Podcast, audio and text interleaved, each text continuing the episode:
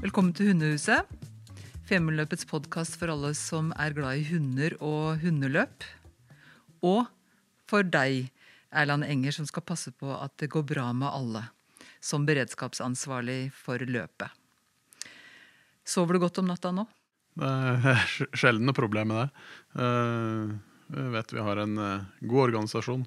Og som mange folk som jobber i lag. Det er jo ikke jeg som drar dette sjøl. Jeg prøver å holde litt i tråda i forkant, og ikke minst underveis, hvis det skulle skje noe. Men hvis ikke du har tenkt på det før, så er det altså 200 aktive hundekjørere som skal være ute i løypa, med minst to hjelpere til hvert spann. Det skal være ca. 1500 bikkjer, som det ikke er eh, godt å vite åssen reagerer på ting. Pluss publikum og veldig mange andre som eh, er i sving. Det er veldig mange som du skal da ha ansvar for. Åssen tenker du når du skal da legge opp eh, beredskapen foran eh, en slik konkurranse? Det henger vel litt i hop med Jeg tenker det henger vel litt i hop med den jobben jeg har sivilt. Der jeg jobber i ambulansetjenesten i Trysil. Og da kan en ikke gå rundt og tenke på alt som kan skje med som for oss, da, mye gjester i, i anlegget både sommer og vinter. Da blir en vel egentlig litt gal. Uh, men at en har tenkt litt gjennom kanskje noen scenarioer, og åssen en ja, forbereder seg litt da, på ting som kan skje. Vet at det er mye som kan skje, og så vil det så helst gå bra. Men noen ganger så må en gjøre en innsats. Og det er de tilfellene hvor det ikke går bra, at du og dine folk skal være klare, da. Hvor mange er i sving med beredskap og sikkerhet? Nei, vi har jo eh, Den eh, femmeløpet er jo delt opp i roder. Rodeansvarlige. Eh, og løypesjefen og jeg disponerer jo de samme mannskapene under løpet. Og til enhver tid, så på hver enkelt rode, så, så har vi to personer på hver sin snøscooter som uh, uh, har ansvar for løypa både sikkerhetsmessig og ja, kan påse at føret er bra nok da, til å kjøre løp. Og kan si at uh, de rodene de henger på en måte litt sammen med sjekkpunkter. antall sjekkpunkter. Så vi har en Til enhver tid så har vi nok mellom 10 og 14 ute etter hvert oss langt vi har kommet i løpet, da mange som er ute, og hvilke eh, strekninger som er aktive. Men på hver strekning så er det et par snøscootere til enhver tid. Og da kan kjørere melde inn om de skulle få problemer, eller andre som varsler, da. Så kan dere eh, rykke ut?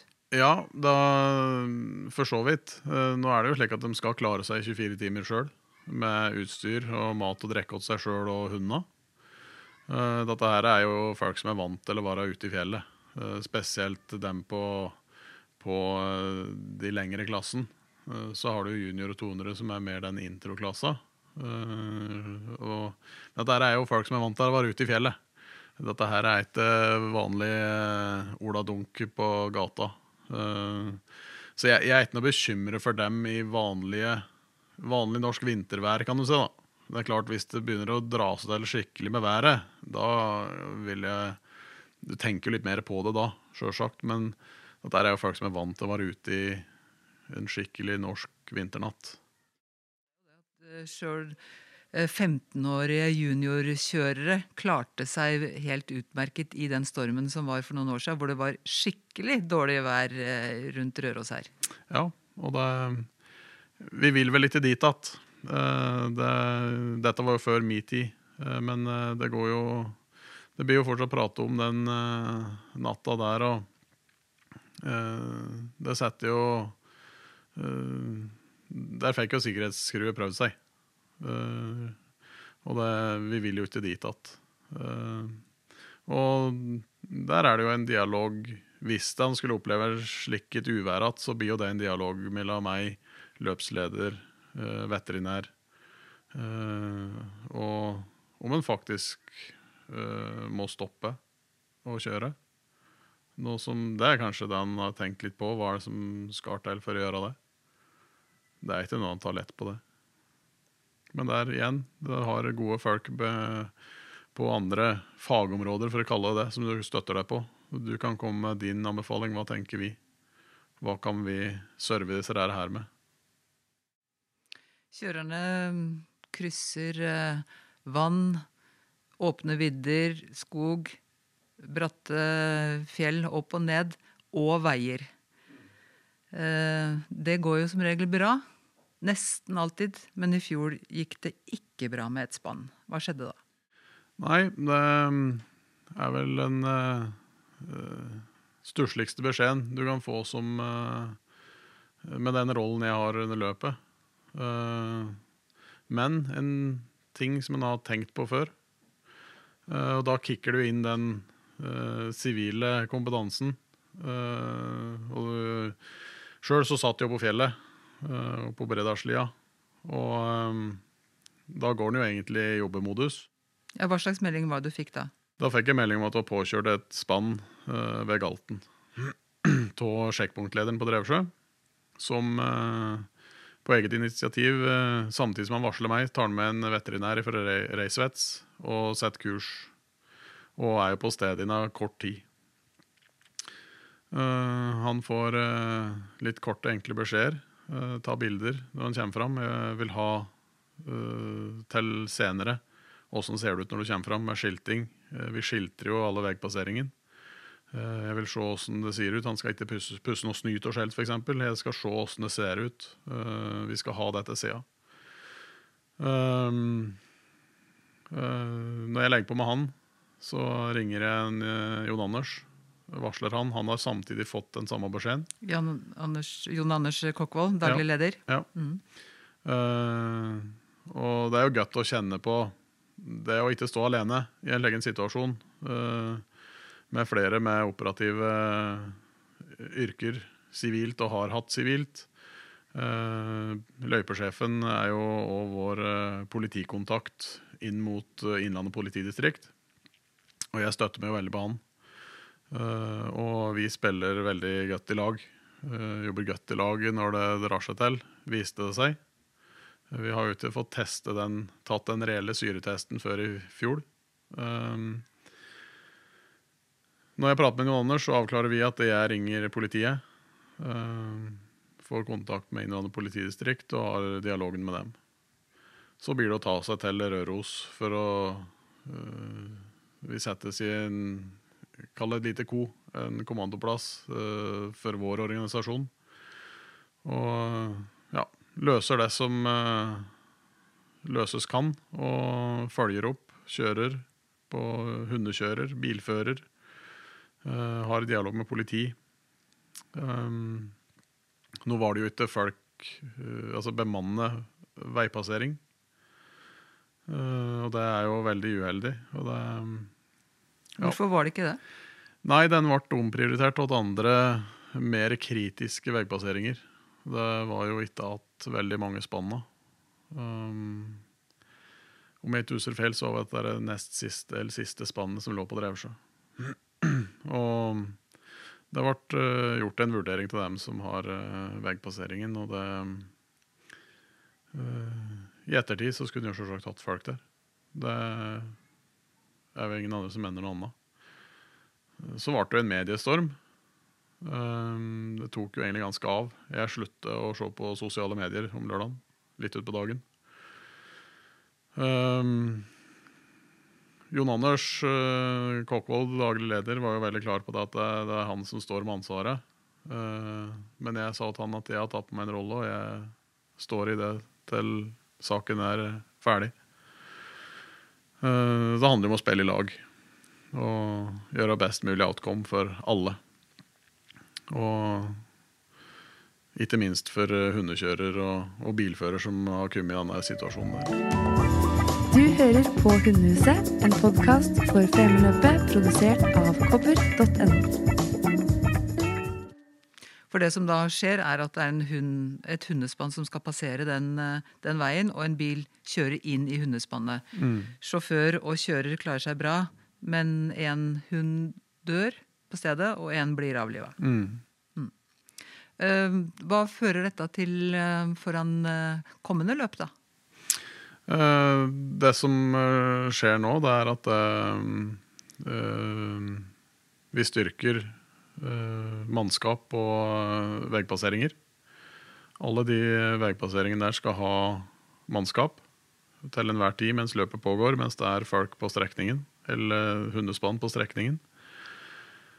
Så nå så kommer det inn en organisasjon som heter Road Safety, som òg støtter der. Eh, Så vi får mer folk. Det er jo pålegget fra Mattilsynet. En ting er alt som kan skje ute i løypa, men akkurat under starten, da må det jo være ganske nervepirrende for mange, hvor det er utrolig mange som vil følge med på at hundene fyker ut av Kjerkegata her i Røros sentrum.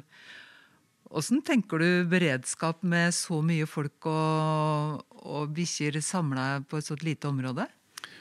Eh, Nå er jo Kjerkegata er jo eh, for dem som har vært her på starten og kanskje sitter på TV, men når du først har sittet live, det er jo ganske magisk. Um, Den stemningen oppover gata. Uh, Men det er som du ser, det er jo egentlig en trang gate i utgangspunktet. Det er mye folk, og så stengt med gjerder. Um, uh, I fjor så satt jeg i Du har den skarpe svingen som eh, mange frykter. Ja, den øverste Kjerkegata. Den skal 90 grader til Ja. høyre før du liksom eh, passerer Slagghaugen og ut i villmarka. Ja, Det er mange som er redd for at de skal kjøre ut allerede der. ja det er det. Og det, det er jo kanskje litt artig å se at det er jo veldig mange som klarer seg bra. Uh, Men det er jo Han er jo krevende. Um, så jeg sto på brua, eller etter brua, etter den svingen, i neste sving. Da har de jo fått ned farta litt, for det er en liten oppoverbakke. Eh, Står der hvis det spannet skal race videre uten kjører, så kan vi kan jeg sette snøscooteren i løypa og på en måte Hundene blir presset ut i løssnøen. Slik at vi kan Hvis de skal passere scooteren, så må de ut i løssnøen. Så ikke da- spannet kommer uten kjører til Ja. Tufsingdalen. Ja, for det er, det er jo litt ugreit. Ja. Um, og Så jeg sto der i, i fjor, og da har du en kort vei hvis det skal skje noe. Uh, det var ingen som mistet spannet sitt. Uh, men uh, mye artige ansiktsuttrykk og lette folk som kommer over brua og ja, nailer det, egentlig. Og, men det er jo Hvis det skjer noe oppover gata, mester det ankeret som de har på kjelken. Det er og viktig det er å få det ankeret fast når de drar ut fra start. Så ikke det det- slenger i huet på Ja, en eh, publikum. hekter i et gjerde, hekter i folk. Eh, det er jo kanskje det verste scenario eh, vi kan få der, slik sett. Um, men um, ja, han tenkte tenkt gjennom det. Åssen håndterer vi det? Eh, og da igjen så kommer en tilbake på det at eh, vi har litt operativ erfaring sjøl, og at en har flere i organisasjonen som har det. Driller dere kjørerne på forhånd på hvordan de skal oppføre seg? Det er ikke alle som har mange års erfaring før de setter av gårde oppover der med Nei, men det blir jo poengtert på kjøre, kjøremøte med det å feste ankeret. Uh, det er jo begrenset fart, det går jo oppover gata. Uh, men det er mye krefter. Det, disse hundene er, de har jo ett mål, og det er jo De skal jo ut. De skal ikke stå, stoppe i Kjerkegata, i hvert fall. Det er jo ikke akkurat målet. Så det er jo mye krefter som er i sving. Eh, men den blir jo preppet på det å, å få feste ankeret. Det er jo veldig viktig. Du bor i Flendalen i Trysil, jobber i ambulansetjenesten der. Og bruker antagelig veldig mange timer på denne jobben som eh, beredskapsansvarlig i Femundløpet. Hvorfor Ja. det? Nei, hvorfor det? Eh, det starter vel egentlig med når jeg hørte første runde at uh, femmeløpet skulle til Trysil. Det var vel da, da var vi vel tilbake i 2017-2018. Um, så um, meldte jeg meg ganske tidlig til dem jeg skjønte var kontaktperson opp mot uh, sjekkpunktet. Og så Løypa går litt utom sjekkpunktarrangeringa. Så da var det en kompis av meg en oppe dalen til som har fått spørsmål om uh, han kunne være med å ta den uh, roda. Så da ble det Vi hadde den eh, i lag et par år. eh, Tre år. Og så eh, Han som var beredskap- og sikkerhetsansvarlig, han trakk seg.